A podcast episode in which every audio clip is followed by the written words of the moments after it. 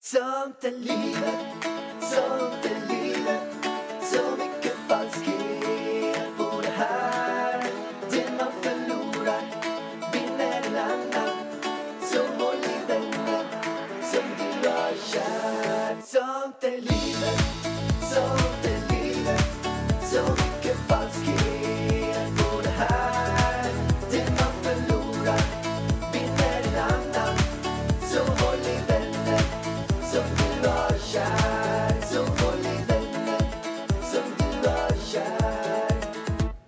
vi kör. Hej och välkomna till Sånt är livet. Välkomna, välkomna, välkomna, välkomna. Alltså, känner du dig taggad? Jag känner mig taggad, men du vet ju också att av just den här anledningen, när man säger att man är taggad, som jag har en teori om att alla, alla nya poddar, det är Ja, nämligen så det att var ju det alla jag startar tog upp podd här nu. om podden. Vilket är fantastiskt att alla nya startar podd. Men alla nya säger också så här, är du taggad? Ja, men det var ju det jag såg i en annan podd här va. Och jag känner att jag vill också vara med i gänget. Är du taggad Pellan? Jag är taggad På vad liksom? på att podda. Men idag är faktiskt en sån podd som vi är lite taggade för att vi ska ju ha parterapi i podden senare. Men först känner jag bara att jag har utvecklats åt fel håll. Jag har bytt ut mina älskade tv-program på kvällarna så att jag mår lite sämre. Ni vet, du brukar alltid mobba mig för att jag kollar på Ex on the beach. Paradise Hotel och alla de här underbara programmen. För att jag känner att jag blir positiv av de här programmen. För att du vet, en hel dag har gått, klockan är 21, man är helt slut, man har suttit framför datorn, man har lekt med Elvis. Och man är bara trött och vill bara ha något avslappnande för hjärnan. Då älskar jag de här programmen. Du vet Bachelor, Ex on the beach, Paradise Hotel. Men så kände jag så här, nu Ida är du vuxen. Nu får du fan rycka upp dig. Så jag började ju kolla på dokumentärer. Eh, jag såg ju den här eh, 36 dagar på gatan som är svinbra på SVT. Jag började kolla på någon annan dokumentär om någon elitgymnast i Ryssland. Vi började kolla på någon Jonas Gardell. Jag måste avbryta. Jaha, 36 dagar på gatan är inte bara svinen, den, den var faktiskt extremt bra. den är extremt bra. För er som inte då undrar, vad är 36 dagar på gatan? Jo, det är en fotograf som eh, då ska testa på att vara uteliggare i Stockholms stad. Så han är då uteliggare i 36 dagar och han vloggar själv. Han har med sig en kamera, så det är inget kamerateam, det är ingen hjälp, det är ingenting alls. Han har ingen kontakt med omvärlden överhuvudtaget. Han är 36 dagar på Stockholms stad, träffar alla andra uteliggare, sitter inne, på toaletten när folk kör heroin. Eh, det är, nej, men det, den, den är riktigt sorglig och Ja, Jag har ju helt brutal. gråtit så mycket när jag har kollat på den här såklart. Då. Men jag har bara en fråga om den här. Alltså en sak som jag har undrat så mycket när jag har kollat på, på, på den här eh, dokumentärserien. Det är hur fan laddar han batteri till kameran? Nej, men han har ju en laddare med sig. Men då måste han ju gå in och sätta sig och vänta på det jäkla batteriet. Jo, men så är det Ja, I och för sig, han har ju ganska mycket tid kanske. Nej, ja, ja, men, men- segt om han så vill filma, ligger under en bro där, vill filma och så är batteriet dött. Ja, men jag tror att han är säkert så proffsig så att han har säkert med sig, eh, han kanske har med sig eh, tio batterier. Eller tror du att han har en mobil i väskan och att han möter upp folk som har nya batterier? Kan vara så också. Kan vara så. Har, jag tror att han hade mobilen med sig ifall, ifall, ifall någonting händer? Eller tror du så här att han var så hardcore att han bara lämnade den hemma? Nej, men jag tror absolut att han har mobilen med sig. Men jag tror att han inte har kontakt med någon annan än, än har eh, liksom... Alltså han, han messar ju vissa uteliggare. Ja. Var är de någonstans och lite sådana grejer. Så det, det tror jag. Men jag tror att det viktiga i det här är att han verkligen ska få testa på det. Så, men sen så tror jag... Alltså de sover ju inomhus. De sover ju i olika eh, liksom skräp, eh, skräputrymmen. Förråd. Nej, men Och så alltså, då- den var så bra. Och, och då finns det ju självklart uttag. Eh, så man kan ladda grejer och sånt. Ja. Så jag tror säkert han gör både och. Det är klart att det är viktigt i den här dokumentären att kan dokumentera. Skulle det vara slut så är det säkert någon som kommer att möta upp och ge nya batterier. Men jag tror absolut han har med sig laddare och laddar konstant hela tiden. Och försöker sköta allt själv. Ja, men extremt bra serie som jag tycker att alla borde kolla på. Jag har ju efter jag har kollat på den här serien Men så här, gått runt och funderat på hur ska jag hjälpa de här människorna? Och jag blir jättefrustrerad för att jag kommer inte fram till någonting vettigt. För det är väldigt, väldigt svårt att hjälpa någon som är beroende av heroin. Ja, det, Det blir finns, ett problem. Ger man pengar då kommer de bara köpa knark för pengarna. Ja, men det finns faktiskt ett sätt i det som man kan hjälpa och, och är väldigt, väldigt enkelt också. För det är ju som du säger, man vet inte om det är så att man skulle ge tusen spänn till en hemlös, vad kommer gå till vad? Och det som är fel är ofta att de är så extremt beroende, vilket gör att de kan ha väldigt svårt att ta sig ur heroin eller droger eller vad det nu än är för någonting. Men det finns en hjälte i allt det här som hjälper mest hemlösa i Sverige. Han heter Kavian. Och han kommer ju komma hem till oss nu i helgen. Han är en riktig hjälte. Han har varit hemlös själv i fyra år. Och nu så ägnar han sitt liv att hjälpa andra hemlösa. Vilket gör att han går upp fyra på morgonen, kokar jag tror att det är typ 50-100 liter kaffe varje dag. Alltså eh, måndag till söndag. Och, och sen så går han runt till olika butiker, får bullar, får mat, får eh, mackor, alltså så här, det som de inte har sålt under gårdagen. Och så står han på T-centralen varje morgon och det är en stor kö. Jag, jag var med henne en gång. Och, och det är en kö på alltså hundratals meter där det står hemlösa från fyra på morgonen och får sin frukost. Och han hjälper dem också. Han tar emot pengar, vilket gör att jag efter den här dokumentären eh, blir påminn om det ännu mer. Gick in och skänkte en, eh, swishade 5000 till honom. Men man kan gå in på hemlösa.se. Hemlosa.se så kan man swisha pengar där, man kan eh, vara med i det här arbetet, man kan hjälpa Kavian på alla olika sätt. Jag, får- kan- kan jag få vara med och träffa honom i helgen eller? Han kommer hit hem. Ja, han kommer hem till oss, så vi ska se hur vi kan Samarbete med Hur honom. vi kan samarbeta med honom, hur vi kan hjälpa honom. Han är en riktig hjälte som varit hemlös själv. Eh, Det är, det är helt sinnessjukt. Det känns så som att när jag var med honom eh, och delade ut frukost, då känns det som att man är i USA. Det är så här brinnande eh, såna här papperskorgar och man ser så folk som man bara wow, vad är det här? Man ser inte ens det här folket. De är, de är extremt tufft. Men han köper också läkemedel till dem och sådana grejer. Så när man skänker pengar till honom, då vet man att det går till bra grejer. Ja, det är jättebra för att när jag ser hemlösa på gatan om jag är ute och åker, då brukar jag alltid ge dem pengar. Men sen när man kollar på dokumentären så förstår man ju att de här pengarna, jag är ju så blåögd så jag tror ju inte att de här går och köper knark för de pengarna utan jag tror ju att de går och köper mat för pengarna. Jo, men det är ju också så att man kan inte, alla tar inte droger. Alltså, många Nej. är ju också skötsamma. Så att, och och det är en, visst, det är, en, det är en del som är fast i missbruket och heroin och sånt där, men alla är ju inte det. Sen är det ju självklart svårt att avgöra vem är vad och hur Nej och men vad. då är det ju så himla bra, eh, din kompis här nu då, att eh, pengarna går till honom. Så att jag tycker att vi uppmanar alla som eh, lyssnar på det här att gå in på hemlösa.se. Hemlosa.se och där står allting där. Och där kan du säkert jag tror att det finns möjlighet att hjälpa honom också och dra med och, och hänga med honom någon morgon och hjälpa honom på T-centralen. Det var bland det sjukaste jag har gjort. Och det ska jag göra snart igen. Men vi börjar med, vi ska träffa honom. Han, kommer hem till oss i helgen ska vi se så här, vad behöver han hjälp med, hur kan vi hjälpa till honom och, och sådär. Men det är en, men kolla också på dokumentären. Kolla på dokumentären. Men vart var jag ens i mitt? Jag Du har har inte ens börjat... kommit till det du ska prata om. Men det är som vanligt. Det, men det är du som... Du avbröt mig. Men jag avbröt dig för att det, det, var ändå viktigt, att jag det avbröt var dig. viktigt, men Du skyll inte för på mig det då att, att jag snabbt. inte kommer till punkt. För att nu blev det en lång Men jag måste utläggning. avbryta en gång till. Nej men vad fan. Jag tycker det är kul att vi har en, en lyssnare, två lyssnare på den här podden. Som lyssnar ändå frekvent. Har vi två lyssnare? Vi har två gummor som lyssnar på oss. Ja men alltså. Två härliga gummor. De härligaste Ja, gummorna alltså, i stan. Här, nej, de bor inte, en bor inte i stan. Nej, alltså, en bor inte i stan. hjärtat. Hon är international. Famous, superstar. Superstar in LA, you know. Och det är ju Rebecca Stella. Alltså vet du hur glad jag blev när hon la upp att hon, hon lyssnar på oss? Nej men alltså deras eh, podd är ju min favoritpodd av alla poddar. Vanessa och Rebecca. Den podden, gå in och lyssna på den podden säger jag bara. Eh, Stäng inte av våran podd bara, men lyssna på den podden efter ni har lyssnat klart på våran podd. Är ni gulliga? Alltså jag är ju helt besatt av de två just nu. Kolla på Rebeckas, hon har en YouTube-kanal, den kan man också gå in och kolla på. Hon har precis börjat YouTuba.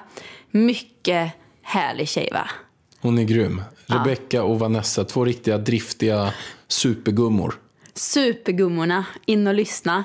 Men vart är jag ens i podden? Jag måste säga sista. men Rebecca vad har ju också ett avsnitt i Framgångspodden om ni vill höra på hennes historia. Det här är reklampodden nummer ett.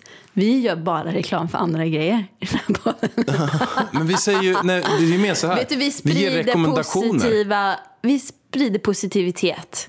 Vi pushar för andra bra saker. Det är det Och, och det här är ju jätte, det här är ju saker som senaste veckan har tagit upp ganska mycket tid av våran tankeverksamhet. När vi var där så blev man ju så här, wow, är det så här det verkligen är på Stockholms gator? Och, Ja, men jag har tänkt så mycket va. Och så började vi kolla på Jonas Gardell-serien. Och jag kände bara att okej Ida, nu får du kolla på något vuxet. Någonting som betyder mycket. Alltså det här är bra grejer. Alltså jag mådde bara sämre och sämre och sämre och sämre. Och sen, mådde jag, sen kände jag mig deprimerad när jag skulle gå och lägga mig. Och det här vet du, jag tror jag måste börja kolla på mina dokusåpor igen på kvällen för att det här går inte längre Pallan. Men alltså, vi måste ju tipsa om den här dokumentärserien vi såg på SVT. Vad är den heter? Anders, jag och hans 23 kvinnor. Det är det sjukaste jag har sett i hela mitt liv. får jag berätta det? Men ska du ta över nu igen? Ja, men- Berätta du. Du kan berätta. Jag lutar mig tillbaka. Jag dricker lite te. Berättar du. Det här var det sjukaste, sjukaste ever. Alltså jag trodde inte det var sant. Vad är det då som hände? Jo, det är en tjej. Det här är verkligen en dokumentär. Eh, Hon vloggar också. Allt är sant, hon vloggar. Allt är riktigt i den här. Hon vloggar. Nej, hon, hon, hon, Alltså. hon dejtar. Hon är så här 49 kanske eller något. Hon träffar en kille som heter Anders. Som är 49-50. Jättetrevlig kille. Tennisproffs. Gammalt träningsproffs. Ja, han var tennislärare och grejer. Ser bra ut för sin ålder. Alltså långt härligt. Lite halvslitet, strepigt, fint hår. Och så här en, en mysig, trevlig kille som man bara gillar. Så visar det sig sen att samtidigt som hon börjar dejta honom så har dejtat han 23 andra Kvin- kvinnor. Och med flera av dem så har han till och med planerat att gifta sig. En hade han spikat datum med. Han bara, jag kör samma datum på alla. Han har liksom pratat med dem och sagt att vi borde gifta oss. Och han dejtar 23 stycken samtidigt. Han har en sån svart bok där han skriver om alla personer så han ska komma ihåg vad vi pratat om, vad vi gjort Och senast. för typ känslor av person. också. Så han kommer ihåg känslorna. Typ den här var lite för kärleksfull och den här var lite för på. Nej men alltså. Så där får ni höra alltså en, eh, en kille och han är med på det här för att hon säger så här, du, eh, vi, det kom upp en Facebookgrupp i alla fall där alla de här kvinnorna samlades för att de, de såg att folk började skriva på deras Facebook- Facebook-wall och sådär. Och sen kom alla i kontakt och hon märkte, det här är helt sjukt. Han dejtar 23 stycken samtidigt som mig nu. Och hon är ju så dokumentärfilmare så hon frågar dem, du, går det bra att jag filmar allt det här? Jag fattar inte hur han kan gå med på att hon ska filma det här. Jag förstår inte, fast han vill ju ha hjälp. Han mår ju inte bra av det här. Han gör ju inte det. Nej. Han fattar ju att det här är något eh, alltså, sjukt. Man gör ju inte så om man är frisk alltså. Så alltså, vi har ju inte sett klart den. Så vi ska ju inte avslöja mer. Men den är i alla fall, alltså man fattar inte att det är sant när man kollar på den. Men har du berättat för dina vänner hur många du hade samtidigt? Nej, jag vet inte. Vill du veta? Ja, vi vill veta. Nu vill vi veta. Nu får du liksom öppna det. Oj, fy fan, jag skäms. Varför då? Jag tycker inte det. Det var 24 stycken. Samtidigt eller? Ja, men är det bara att du är gränslös, Anders? Är det det? Jag vet inte. Jag har nog haft en konstig uppväxt faktiskt. Har du det? Mm. Så Kommer du aldrig i läget där du liksom med alla de här smsen, när det bara blir för mycket, allt det här bara kaoset som du pratar om. Känner du aldrig liksom att, nej men nu, jag har nått botten. Det här är inte livet. Ja, men det har jag känt många gånger. Ja, så vad är det då som drar dig tillbaka? Att inte göra förändringen? När jag byter spår då tror jag att jag, då hoppar jag in och nördar ner mig i något tennisprogram eller försöker sitta och skriver. Så att suddar jag, ut? Ja, jag, jag försöker glömma bara. Alltså det där är det sjukaste jag har hört! Ja, nej men alltså den är så man, man bara sitter och gapar. Alltså jag bara, man skrattar för att man bara, är det här på riktigt? Jag åt mat. Jag märkte själv. Det var jag som satt och började kolla på den här. Och du satt och jobbade och du bara blev mer och mer intresserad på vad är det du kollar på. Så började du krypa upp i soffan och sätter dig och kollar på dokumentärserier med mig. Eller filmen. Och jag satt och åt mat samtidigt och jag märkte själv att när jag tagit den här skeden i munnen med så här havregurt och musli så fastnar jag med skeden i munnen och tar inte ut den för jag var så inne i den här såpan så jag satt själv en sked i min mun med öppen mun. Okej, nu För räcker jag det för fan. Nu räcker det. Jag trodde inte det var sant. Alltså Pärlan, nu överdriver du lite. Det gör jag inte alls. Okej, du överdriver inte. Men ska vi sluta prata om dokumentärfilmerna nu eller? Jag kände att det blev en lite lång utläggning. Vet du, jag, jag tycker att vi ska gå över på våran parterapi nu. Så nu börjar alltså parterapi. Och då är det så att vi kommer berätta öppet, naket, Bröta. Kommer Om vi våran bröta? Öppet? relation. Och, och gå in på ett gäng olika frågor som vi tror är väldigt bra. Som man borde göra om man har någon typ av relation. Och det här är som, man skulle kunna, så här, varför gör man det här då? Jo men det är för att när man är i en relation så kan man också kalla att man har ett företag ihop. Och det här företaget ska gå bättre, man ska utveckla det. Utvecklas man inte så kommer man, vadå vargen? Avvecklas. Då kommer man att avvecklas. Helt rätt vargen, du har lärt dig. Eh, och då är det bra att eh, kunna ställa ett gäng frågor till varandra. Det kan vara, man kanske ska göra det här två, tre gånger om året till någon gång i månaden. Och se hur kan man förbättra, vad är det jag eh, tycker är bra, vad jag tycker inte är bra och vad ska man göra och sådär. Så vi tänkte beta av fråga för fråga. Vi kommer också skriva de här frågorna i poddbeskrivningen. Så där är det så att du vill göra det här hemma, så eh, feel free och kör. Ja, Jag tycker vi är en utmaning till alla följarna som har i förhållande att de ska köra den här. Kan man Gör göra det. här med sin, eh, alltså typ inte bara så här kärleksrelationer, kan man göra det här med typ kompisar, föräldrar och sånt eller? Man kanske får göra om frågorna lite eller? Ja, vi har ju bland annat en fråga om sex här, så den kanske man inte ska dra med sina, sina, sina, sin mamma. Man kan ta bort Men, den då. men jag tror så här, generellt sett så är det väldigt bra med sin bästa kompis, med sina föräldrar, att bara sitta ner och prata. Och då också låta den ena personen prata. Om det, Utvecklingssamtal. den, ja, om det den känner för att prata om. För Mm. att ofta är det så att man frågar, du hur har din dag varit? Ja men det har varit bra din, ja men bra själv. Eller att man säger, äh, en jävla pissdag det här och här. Men man kommer liksom inte in på djupet. Man kanske inte kommer in på vad är det som har påverkat dig i barndomen. Vad är de största händelserna som gör att du kanske känner dig lite orolig idag. Och att någon person får prata ut att den andra ska berätta om sig hela tiden. Det vet jag en kompis till mig, Anton Granlund, gör bland annat. Att han och hans eh, polare, eh, jag vet inte om de gör det längre men de gjorde det ett bra tag. Jag tror de gör det. Eh, de träffades typ åtta pers och då hade de en person per gång som satt mitt i, i på en stol. Och den personen fick bara prata om eh, några djupa grejer. Och då fick de andra, satt de andra runt och lyssnade och ställde frågor och sådär. Sen så hade de rullande schema att det var en person i taget. Var det bara killar? Ja, Alltså jag känner ju att jag gör det med mina tjejkompisar varje gång vi ses. Så vi behöver liksom inte planlägga det där. Men jag tror att det, det är viktigt i kärleksrelationer. Är det du som håller i parterapin här eller? jag håller i partnerafin. Kan inte, du brötar och parterapin och jag vet inte Ja. riktigt vad är med talet idag. Jag håller i parterapin. Jag håller i parterapin. Men alltså. Är det du som håller i parterapin här eller? Jag håller i parterapin. Jag håller i parterapin. Parterapin. Parterapin. Vi kommer berätta naket. Bröta. Berätta. Berätta. Berätta. Nej, Jag vet inte vad som är fel vargen. Något jäkla fel är det. Du, du som sladdar på orden.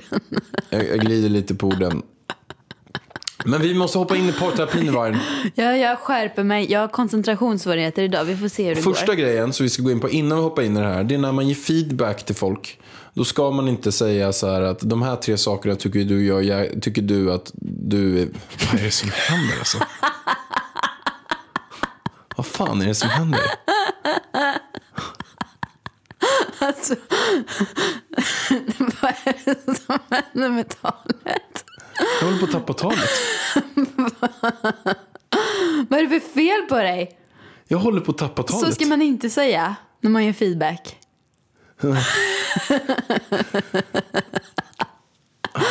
Kan du, kan du bita ihop? Kan du sansa dig, Pallan? Ja, men jag försöker ju. Jag är ju mer sansad än någonsin, men på något sätt så hänger inte mitt Du tal med sitter mig. där borta och försöker vara asseriös som någon psykolog. kan inte prata. Vi kör ett nytt försök. här. Kör, kör, kör. Jag ska inte kolla på När dig. man ger feedback så ska man inte bara säga till den ena personen att du är extremt dålig på det här. Jag tycker att du eh, alltid har saker på golven.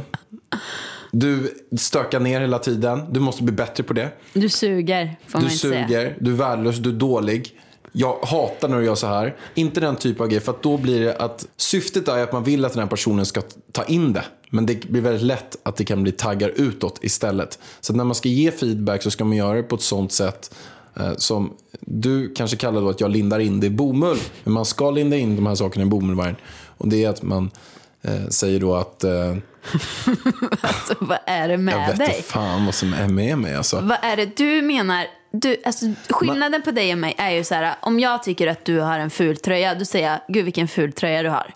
Om du tycker jag har en ful tröja, då säger du, skulle den där tröjan kanske passa bättre imorgon när vi ska göra det här? Skulle, den där tröjan i garderoben är väldigt fin.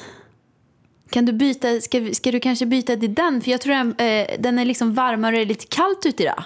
Exakt, så skulle jag Så säga. skulle Och jag, skulle säga. jag tror att den där tröjan skulle passa bättre. Samma sak som om, om eh, någonting som...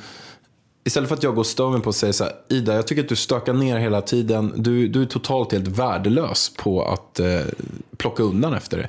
Så kanske jag då ska säga att jag skulle uppskatta jättemycket om du kunde eh, ta undan den här efter dig när du är klar med den. Ja, jag förstår. Man ska linda in allt i lite mer bomull bara. Fast jag, eh, alltså jag klarar ju av när någon säger till mig att bara rakt på sak. För att jag tycker det tar för lång tid alltså, när folk ska hålla på och linda in saker. För att jag fattar ju vad du menar. Alltså Ja. undermedvetet. Fattar ju att du tycker att jag suger på att städa. Ja, skitsamma. Du, Så tänk så. på det när ni har parterapi hemma. Dra in inte på bomull. De största superlativen. Försök linda in allt lite grann i bomull och förklara hur ni känner. Och, och säg att det här är ett förbättringsområde. Säg inte att saker är dåliga. Säg att det här kan du förbättra dig på. Det här tror jag att vi kan utveckla det på. Att linda in allt lite bomull, det är viktigt hur man ger feedback. För att syftet med feedback det är att man ska få ut något av det, inte att man ska börja tjafsa. Okej, då kommer vi in på första terapifrågan här. Och det är hur vi ska bli bättre på problemlösningar. Ja, Och hur vi ska liksom tänka kring det. Och, och jag tycker att vi, eh, vi är bra på det. Det tycker jag. Vi, vi diskuterar ju allting och vi blir bättre på det hela tiden. Jag har ju haft förut att jag kunde ha varit sur i, i ganska här, många dagar och ganska lång tid. Men där känner jag att jag har förbättrats. Det känns som att när det är någonting som kommer upp så tar vi tag i det. Eh, liksom där, relativt snabbt. Men vi kan nog ta tag i det snabbare. För även om vi tar tag i det nu inom en kvart, en halvtimme, en timme eller vad det nu än är. Så är det fortfarande en ganska dryg timme. Vi kanske skulle kunna Asdryg. ta tag i det snabbare. Ja, för att jag mår ju, alltså varje gång det blir någon sån här, att, att man blir sur på varandra, jag, blir, jag mår dåligt. Alltså jag vill lö- lösa det på en sekund. Och jag som person löser också gärna på en sekund. Jag kan bli jävligt arg, men bara man pratar om det så går det över på, på en sekund också. Eh, och det har jag tyckt varit lite jobbigt innan att du har varit så långsint förut. Eh, men det har ju blivit bättre. Men det kan ju bli ännu bättre. Och jag kan vara sån här som drar mig för att ta upp saker också. Eller så här, jag vill ta upp det men jag vet att du kanske blir arg. Jag kanske, alltså, är det att jag är konflikträdd eller? Vet inte. Jag tar, alltså I sådana fall är jag också konflikträdd. För jag kan också vara att jag inte vill ta upp det. Bå- Både du och jag, och det är en utmaning, både du och jag kan bli tysta som möss. Ja, Och sen är vi bara tysta från att vi pratar om allting hela tiden. Och sen så är det så här, man får inte ut ett ord. Vi bara är tysta. ja jag Och sen så går det. det så här, så är vi så här tyst i typ två minuter och står bredvid varandra. Alltså grejen är att jag är på väg så många gånger att säga någonting. Du vet, det är min personlighet. Att jag, folk tror ibland att jag är känslokall. Men det är jag inte för att jag har en storm inombords. Alltså det går så mycket tankar i mitt huvud. Så att jag tror inte du förstår. Gör det det på dig? Alltså går det mycket tankar i ditt huvud eller blir det bara så här att du kopplar bort allting? Nej, det är klart att det flyger tankar framför allt. Alltså, har man, är det så att man har bråkat så mår man inte bra. Man, man tänker ju mycket då, vad ska jag säga? Men jag kan tänka, jag kan tänka lite, grann, lite för mycket på vad jag ska säga. Mer än att jag bara säger något och sen så kommer man till kritan. Vad det är och löser det. Om vi, om vi säger så här, jag har gjort dig skitirriterad. Jag har sagt någonting som du blir jättelack på. Då blir du jättesur på mig. Eh, och jag då vill ju lösa det med en gång. Klarar du det? Inte alls säkert. Nej. För att när det väl så är så att jag är sur. Vi säger då om vi, vi, vi skulle komma på ett ord. Vi tar exempelvis eh, eh, häst, häststol. Nej. Sko. Hästsko. Och sen säger man då att okej, båda är sura och sen säger den ena, vi tar, vi tar ett kodord. Hästsko. Så är det så att jag kanske, jag kanske vill vara sur. Jag kanske är så förbannad att jag vill vara lack. Ja, ibland och då kanske vill du du säger så här, det. hästsko. Och då kanske jag bara skickar den där jävla hästskon åt helvete. Nu ska jag vara sur. Jag vill vara tjurig. Men hur löser vi det då? Kan du komma över att du vill vara så sur? Varför vill du vara Jag tror sur? att båda kan vara så här också by. Det är inte bara jag. Ja, men jag tror ändå att jag skulle kunna tänka mig... Alltså, om du gör mig skitförbannad, vi säger att du, vi, du har sagt någonting som har gjort mig så jävla arg. Eh, så att jag ville bara skicka ut dig genom dörren här och kasta ut dig från balkongen. Om du kommer då och säger till mig, alltså förlåt, jag menade verkligen inte det där jag sa. Alltså då, om jag känner mig själv, jag hade bara, fan vad stort att han säger förlåt nu. Jag tar emot förlåtelsen. Ja, jag tror att den grejen är nog något vi ska tänka på. Att när vi är i det läget så måste det vara bådas, eh, båda vara mån om att försöka lösa det här. Och att de båda har den inställningen, okej nu är vi lacka, vi vet att vi kommer bli sams, för det har vi blivit hur många gånger som helst innan. Men vi ska minimera skadan på det här. Vi ska minimera den tiden som vi mår dåligt båda två. Om båda har den inställningen att vi försöker lösa det här, då, då kommer det gå snabbare. Men jag måste bara få veta, för du, du vet att om du säger någonting till mig, att jag är dum i huvudet eller någonting, så kan du säga direkt förlåt och vi kan prata om det med en gång. Så funkar jag. Men om jag säger någonting elakt till dig eh, som jag ångrar och så säger jag förlåt direkt efter, funkar det? Alltså det, det är helt beroende på, men jag tror att det absolut funkar mycket bättre än att du inte säger förlåt. Då ska jag testa det Vi nästa testar gång. det. Vi testar det nästa Så gång. det är en väldigt, och där är ju en väldigt grej som många också pratar om. Att, att, att, alltså, en nyckel i att ha en bra relation det är att man förstår att den andra personen också inte är en tankeläsare. Alltså att tänker man på någonting som man tänker så här, men du borde fatta att jag borde göra det här och att jag har tänkt på det här. Det är en av de så här, grundgrejerna vilket gör att här, relationer spricker och blir mycket så här, extra tjafs. För att båda tänker att den andra är tankeläsare och det är ingen som är tankeläsare. Men tänker du att jag är en tankeläs? Eller? Nej, men- men jag tycker inte att vi har några problem med, med det där. Jag säger bara att det här är en sak som Jordan Peterson pratar om. Många pratar om att eh, grundgrejen är att i relationer att man tänker att den andra vet vad man tycker och tänker. Och det vet man inte om. Även fast man tänker, men du borde ha fattat det här. Men om jag gör så så får du gärna säga till mig. Eh, för att jo, då vet jag inte om att jag gör så. För jag brukar tänka på att jag ska tänka på att säga till. Ja. Och, och jag kommer säga till dig. Det låter superbra. Ja, bra. Ja, då hoppar vi vidare på nästa sak. Och en, en grej som jag hade förut, som jag tror att vi har kört förut, det är så här komplimang-time. Nej, men berätta, ge feedback på vad man tycker är bra med den andra personen. För man är ju antagligen ihop eller har en relation för att man tycker om den andra personen. Och då måste man ju bli lite bättre på att ge bra feedback också. Verkligen. Och komplimang-time, det är en grej man kan köra typ någon gång i veckan. Och bara ge varandra så här uppskattning. Och jag läste faktiskt en grej på en så här artikel när jag läste om, om lite av de här bitarna innan. Och då var det en forskare som har skrivit så här att ta vara på tillfällen eh, som finns varje dag. Visa hur mycket du värdesätter och uppskattar din partner. Lägg fem minuter på det per dag. Så kommer ditt förhållande bli mycket bättre. Att bara säga till någon så här som du sa precis Ida, det här, det här är det jag såg hos den andra parten från början. Det här är det jag tycker är bra om det. Eh, och då bara lägga fem minuter på att berätta det. Ja men verkligen, jag tror man är lite dålig på det. Det är också det här med tankeläsning, att man går runt och tänker det. Och sen säger man det inte, för så tänker man så här, ja men jag har ju sagt jättemycket fina saker. Men så har man bara tänkt det. Alltså så, så, så gör jag hela tiden. Gud, nu har jag fått något i ögat här. Eh, men som till exempel, ja, men du kan stå med Elvis och jag tänker så här, åh gud vad fin han är med Elvis. Och så säger inte jag det. För att jag tänker att du fattar det. Eller? Gör inte du så? Jo, det gör jag också. Alltså, så gör man ju till är, många. Man är så här, generellt, det är samma sak som man ser någon som vänt sig, som har på sig en skitsnygg jacka. Så man, jävla snygg jacka.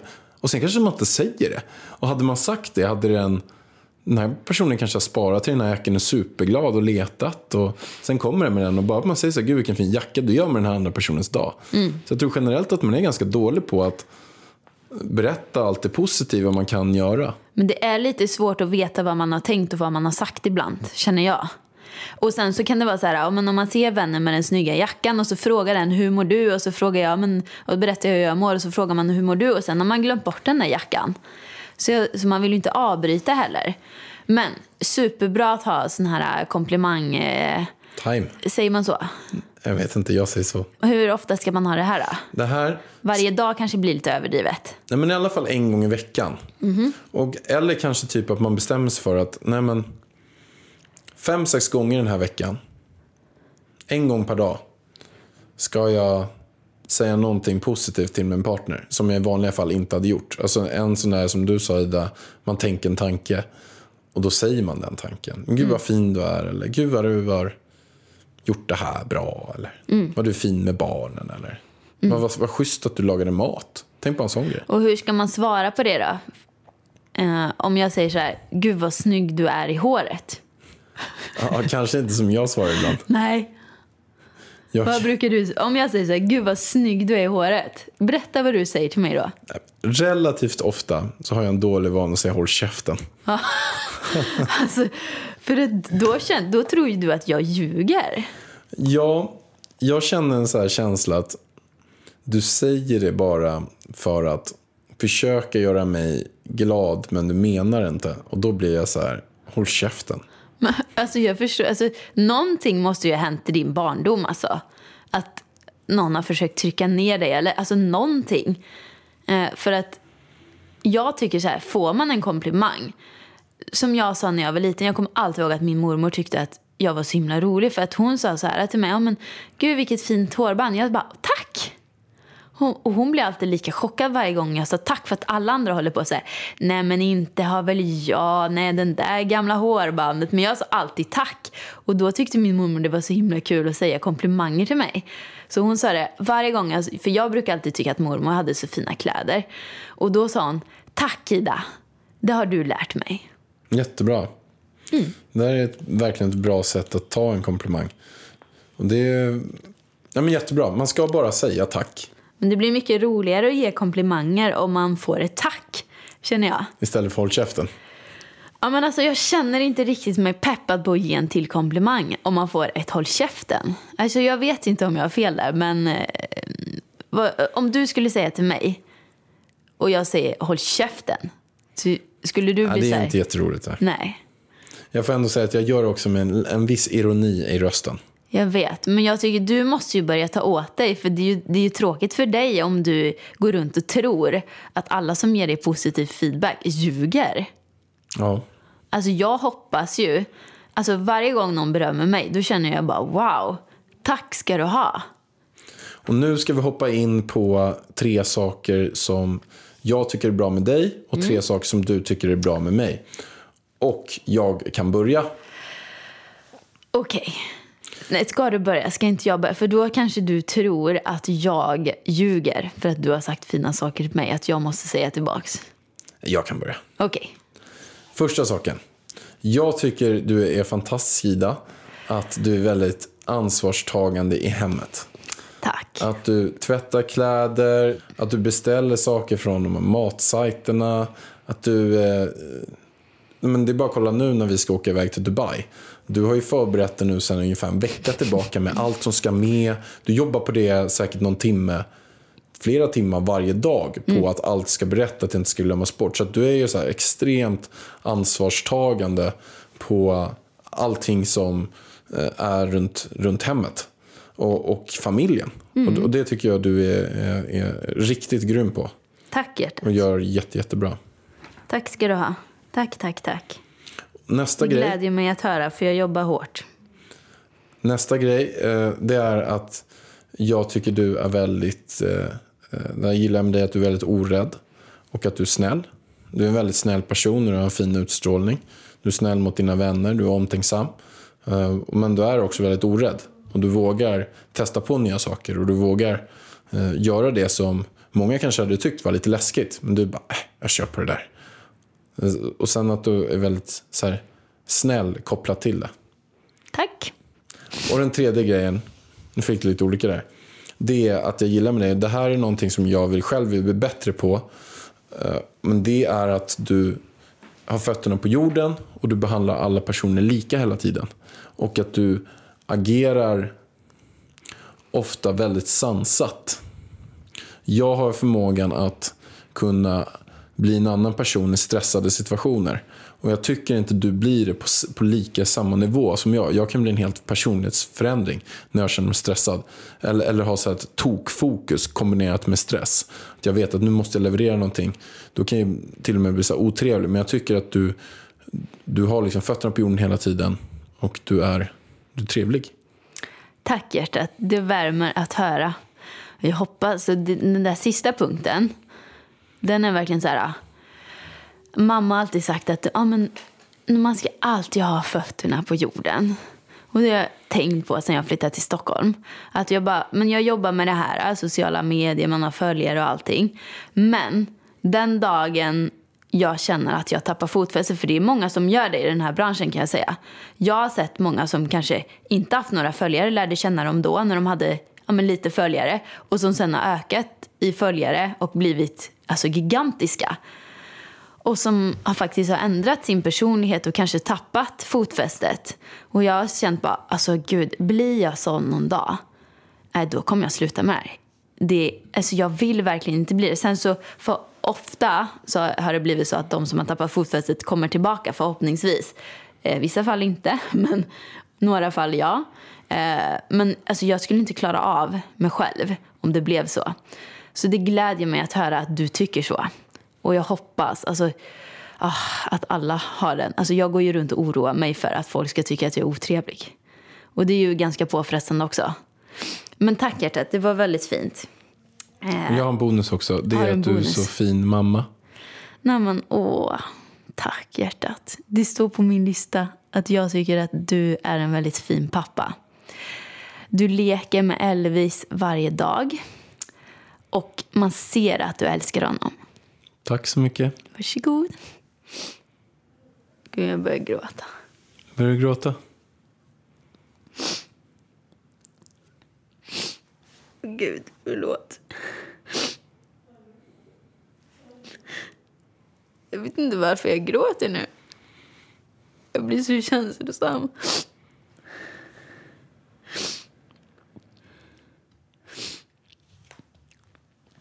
Okej. Har du gråter Vargen? Jag gråter, förlåt. Jag tycker att du är väldigt generös. På alla sätt. Väldigt snäll.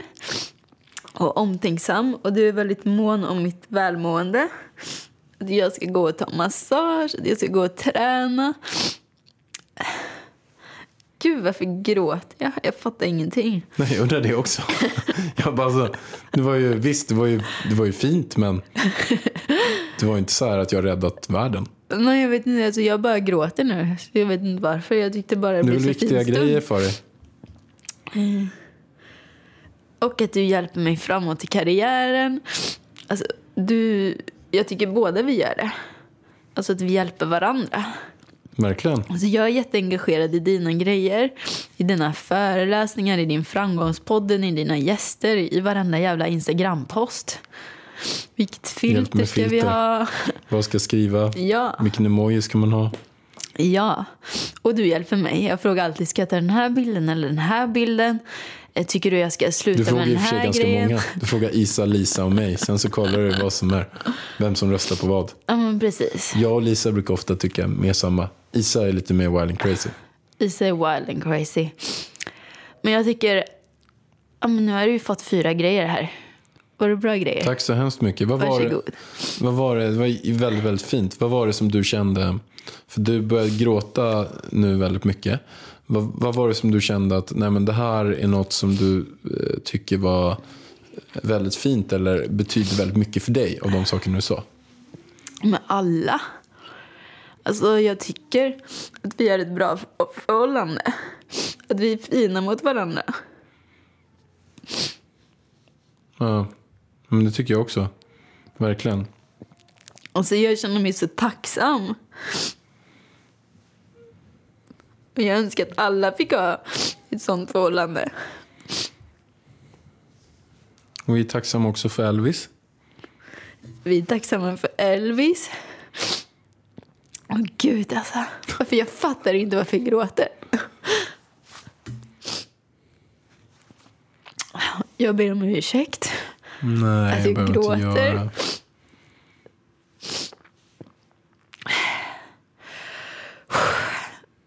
Ja, det var jobbigt där. Mm. Vad gör vi nu då? Du kan få en kram. Jag vill ha en kram.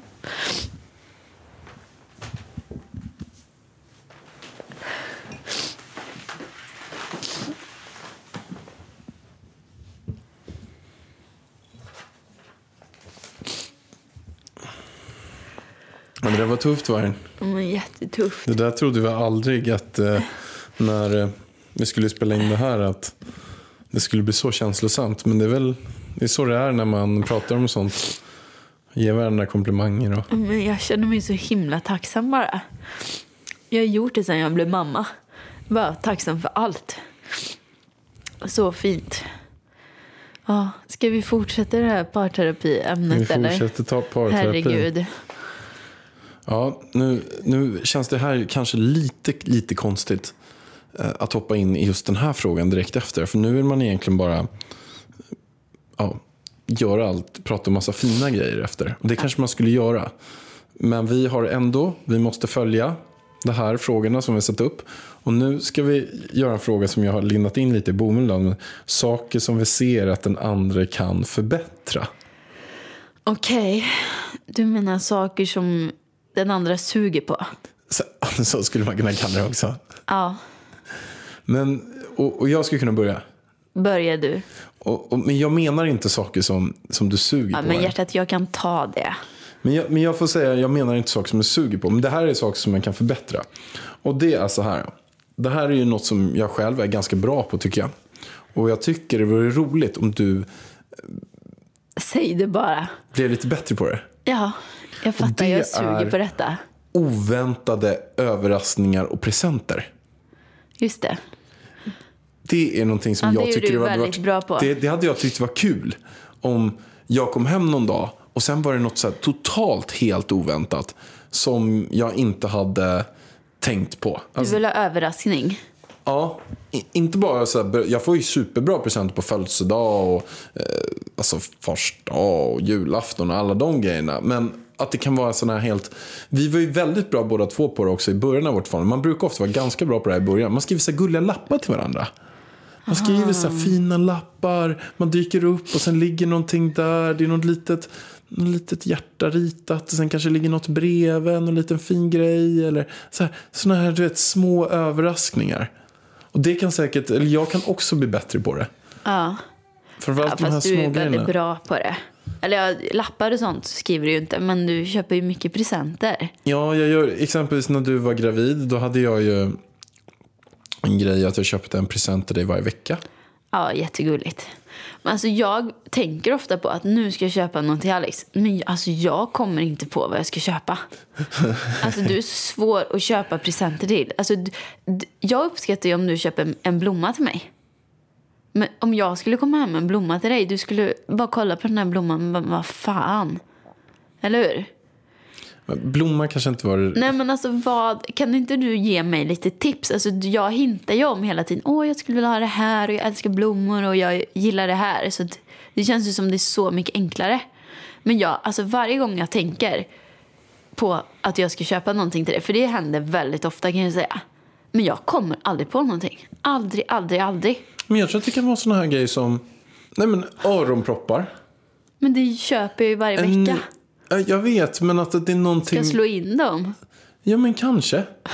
Okej. Kanske slå in en öronpropp eller en havregurt. Tänk om du slog in en havregurt till mig. Tänk bara en sån liten Ja, grej. bara, jag köper ju havregurt och öronproppar till dig varje vecka. Ska jag slå in dem då? Nej, men du kanske ska slå in en.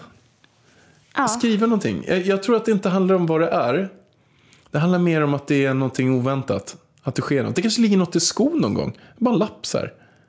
Jag tycker att du är världens finaste mamma. eller jag finaste ju pappa. Sveriges sämsta fantasi.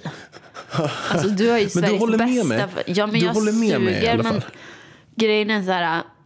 Jag, kom, jag tänker Du har tanken. gjort feta grejer. När jag fyllde år så hade du värsta eh, 30-årsfesten. Du överraskade ju mig Ja. och Backstreet Boys. Du har gjort värsta grejerna. Det ju. kan vara den värsta dagen i mitt liv. Alltså jag var så nervös. När jag skulle fixa den här. Jag bara lovade mig själv. Jag ska aldrig mer i hela mitt liv ha en överraskningsfest. För det här var. Alltså det tog koll på mig. Men det blev väldigt fint. Eh, men ja, du får ge mig lite. Du får, du får se till att hinta lite om saker som du vill ha. Och så. För att jag har ingen bra fantasi. Alltså jag står för det. Mm. Men du håller med mig om den i alla fall. Ja. Ja, vi hoppar vidare till nästa. Det här är något som jag tycker jag liksom irriterar mig på. Nu kan jag gå på lite gå hårdare nu känner jag istället. Att att det här är ingenting, man kan förbättra sig, ja, men jag irriterar mig. Och det här är något som har varit genom alla år eh, generellt sett. Och det är eh, orädd om hemmet på vissa saker. Nej men alltså jag vet du menar golvet. Jag menar golvet. Det enda, alltså du har någon slags fetisch för golvet. Alltså det är så här, det kan se ut som ett helvete i resten av lägenheten. Du lägger blå, alltså det roliga är ju att du själv inte är rädd om golvet. Du spiller blåbär på golvet i köket utan att ta upp det. I badrummet tappar du saker på vårt marmorgolv så det blir märken och grejer. Du spiller blåbär på våran vita matta och grejer. Men sen just när det kommer till vatten och golv. Då, alltså det, det är liksom som att jag vet inte du har haft något slags trauma med golvet och vatten. Jag, du vet att jag har pratat med våran eh, koordinator om detta också, Isa. Att jag varnat henne för att golvet, det är någonting med Alex och golvet. Alltså vi får vara väldigt försiktiga med golvet. Ja, men det är så här, jag kom hem Annars häromdagen. blir Alex vansinnig. Det låg vatten på golvet från barnvagnen. Och, och, och sen var det massa grus. Och då tänker jag så här att gruset repar golven. Och, det, och, jag, jag, ja, och även vattnet blir så här fuktskador på golvet. Kan väl bara slipa det där jävla golvet. Ja, men det blir ju en annan slipning. Slipar man hela... Och vi är så tunt... Ja, men jag, blir lite, jag har en lite... Samma sak med, förra, med marmorskivan vi hade i förra lägenheten. Du och jag hade... Av de sakerna vi tjafsade om mest så var det det att det var vatten på Ja, marmorskivan. det är något med vatten alltså. Jag kommer ihåg i din första lägenhet som vi, du bodde i, som jag, när vi precis började träffas. Alltså, då var ju duschen, för att komma till sovrummet var man ju tvungen att gå när man har duschat till sovrummet över ett trägolv. Och det här trägolvet, enligt dig, var så extremt känsligt. Så jag, liksom, alltså jag torkade mina fötter så noga, men du vet man får ju aldrig bort allt vatten från fötterna. I sådana fall skulle jag behöva stå och torka där inne i typ, i typ fem timmar liksom, för att det inte ska bli något slags vatten på golvet. Så alltså, ja, jag vet Jag det. har någon psykiskt Men problem där. är Så här, alltså golvet, det går väl att fixa det där jävla golvet. Och om du går in hos vilken människa som helst, ett golv är till för att gå på. Det är till för att slitas. Självklart ska det inte ligga en stor vattenpöl på golvet. Men om det är lite, lite vatten på golvet, vad fan gör det? Du kan kakla där i hallen. Vi skulle ha lagt in kakel där. Ha? Det hade blivit så mycket skönare för ditt psyke alltså. Vi skulle ha gjort det alltså. Och tredje saker jag tycker att vi kan förbättra, det har ju vi varit inne på lite grann. Och det är det här med att vi ska säga till direkt när vi är sura på något. För att både du och jag får ångest. Vet du att jag är sur på någonting och inte mår dåligt så mår du dåligt och vice versa. Och där träffade jag Christer Olsson. Han pratade om att vi alla har tre ringar. Har du hört den här historien? Till det ringen? Nej. Nej, den här är helt fantastisk. Det var så att Christer Olsson är en grym föreläsare. Han var med i Framgångspodden så spelade vi in ett till avsnitt nu för några veckor sedan. Då hade han när han var 23 år gammal gått till en eh, coach kan man säga som är så här, en av de främsta i Sverige. Och då hade den här coachen förklarat för honom att du har tre ringar som du måste ha kontroll på för att må bra. Den ena ringen det är, det är jobb och karriär. Den andra ringen är du själv. Och den andra, eh, tredje ringen är familj. Och så här, relationer. Ja, Ja, jag förstår. Men han förstod inte det så himla mycket just då. Men det gick tio år. Och sen satt han då, när han var 33, så hade han flugit med sin, eh, sin fru och deras nyfödda barn, så som vi ska göra nu till Dubai. Och då hade den här flygvärdinnan stått där och sagt att Okej, om det skulle vara något som händer, de här vanliga rutinerna, så är det så att först sätter ni på syrgasen på er själva och sen tar ni barnet. Och han älskade ju sitt barn över allt annat. Så han sa till sin fru, men du, det, där, det, där, det där stämmer ju inte, de måste ha sagt fel. Först måste man ju ta barnet och sen tar man sig själv. Det där måste vara tvärtom, de måste ha sagt fel. Hon bara, nej men tänk efter nu. Att Först måste du ta dig själv, för tänk om du tar barnet först och du själv svimmar, vad ska barnet göra då? Så först dig själv, sen tar du barnet. Och då tänkte jag så att det där stämmer ju. Först måste man med sina ringar ta hand om sig själv. När man väl tagit hand om sig själv, har koll på sina tre egna ringar, då kan man också hjälpa andra. Att mår man inte bra själv har man svårt att hjälpa andra. Så då hörde han av sig till den här coachen igen och sa att du kan inte vi träffas? Han bara, det var jättelänge sedan vi sågs. Ja men jag har fattat det här med ringarna nu. Att först ska man ha kontroll över sig själv, sin jobb, karriär, eh, sitt eget liv och sen sin familj. När man har kontroll på det, då kan man hjälpa andra och då är man liksom redo att kunna, när man hjälper sig själv kan man hjälpa andra. Och då sa han, okej vi tar ett möte. De träffades och då sa han så här, du, jag är jävligt besviken på dig, sa den här coachen då. Han bara, va? Ja men, när du var 23 hade du tre ringar. Ja. Du har inte förstått att du har nio ringar nu. Han bara, nio ringar? Ja. Du har tre stycken. Jobb, dig själv och familj.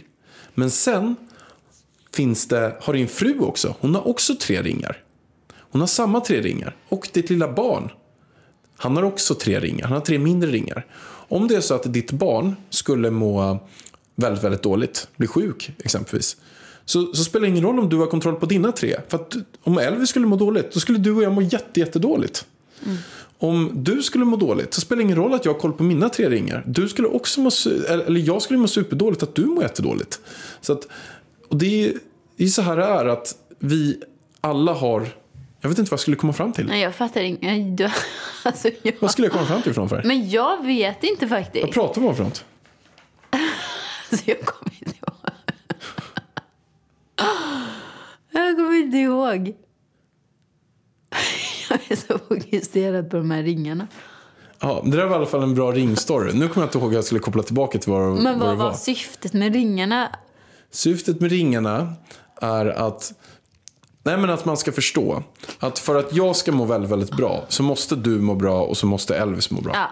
Om, inte, om inte ni gör det så kommer inte jag må bra. Så att om jag ska vara egoistisk mot mig själv så måste jag göra er glad för att då mår jag glad. Just det, nu förstår jag vad jag skulle komma fram Du är till. ju inne på mina sämsta egenskaper. alltså, Nu förstår jag vad jag skulle komma fram till. Det är så här. Skulle du bli jäkligt sur och du och jag inte pratar med varandra så spelar det ingen roll för att både du och jag känner det och då mår båda dåligt. Det är det jag skulle komma fram till. Jävla lång utläggning alltså. det är det jag menar med det här linda in i bomull och sånt. Det blir lite långt liksom. Ja, det var mina sämsta egenskaper. Ja, Det var det jag sög på, helt ut sagt. Rent ut sagt. Okej, ska jag berätta dina? Nu måste jag liksom fokusera här så att jag ska linda in detta i bomull. nej men kör på. Jag vet nog och kan. Du kan, du kan gasa Okej. på också. Okej. Bli bättre på att planera och prioritera familjegrejer. För att det är lite så att du tänker att det behövs inte planeras och alltså så. Men det behövs ju verkligen göra det. För då tänker du att, ja men på, om jag säger så här, på lördag ska vi vara med familjen. Ja, säger du. Och sen så kommer lördagen. Nej, jag ska bara träna med PT. Ja, jag ska bara ha engelska lektion. Och sen måste jag bara ta det här samtalet. Och sen bara, aha, men nu har ju hela lördagen gått. Och så har vi inte gjort någonting. Nej. Eh, så Helt det rätt. måste ju planeras in i kalendern. Ja, Eh, Helt sen, rätt. hålla vad du lovar. Inte säga en sak som sen inte blir av. ja, det vet jag att du... Eh, Men det, vet, det har ju du själv börjat få insikt över att du gör ju så. Eh, att, för att du, i din hjärna, du är en tidsoptimist. Eller liksom så. Du, du tror att allt är möjligt. Eh, och att du bara, det är, det är ett ord som du använder väldigt ofta. Att du, du ska bara göra det där. Och sen efter du bara har gjort det, då ska du bara göra en till sak. Och sen ska du bara göra en till Sen sak. hela dagen Det kan ju liksom vara så här, ja men så har jag lekt med Elvis i två timmar så tänker jag, ja men nu ska jag leka med Elvis. Nu tar jag över säger du till mig. Nu, nu tar jag Elvis. Så hänger du med Elvis i tio minuter, sen kommer du, jag ska bara göra det här. Jag bara, då har jag inte ens hunnit börja med något, alltså nytt. Du Nej. hänger med. Nej, jag hänger med. Den, den måste jag också eh, förbättra mig på.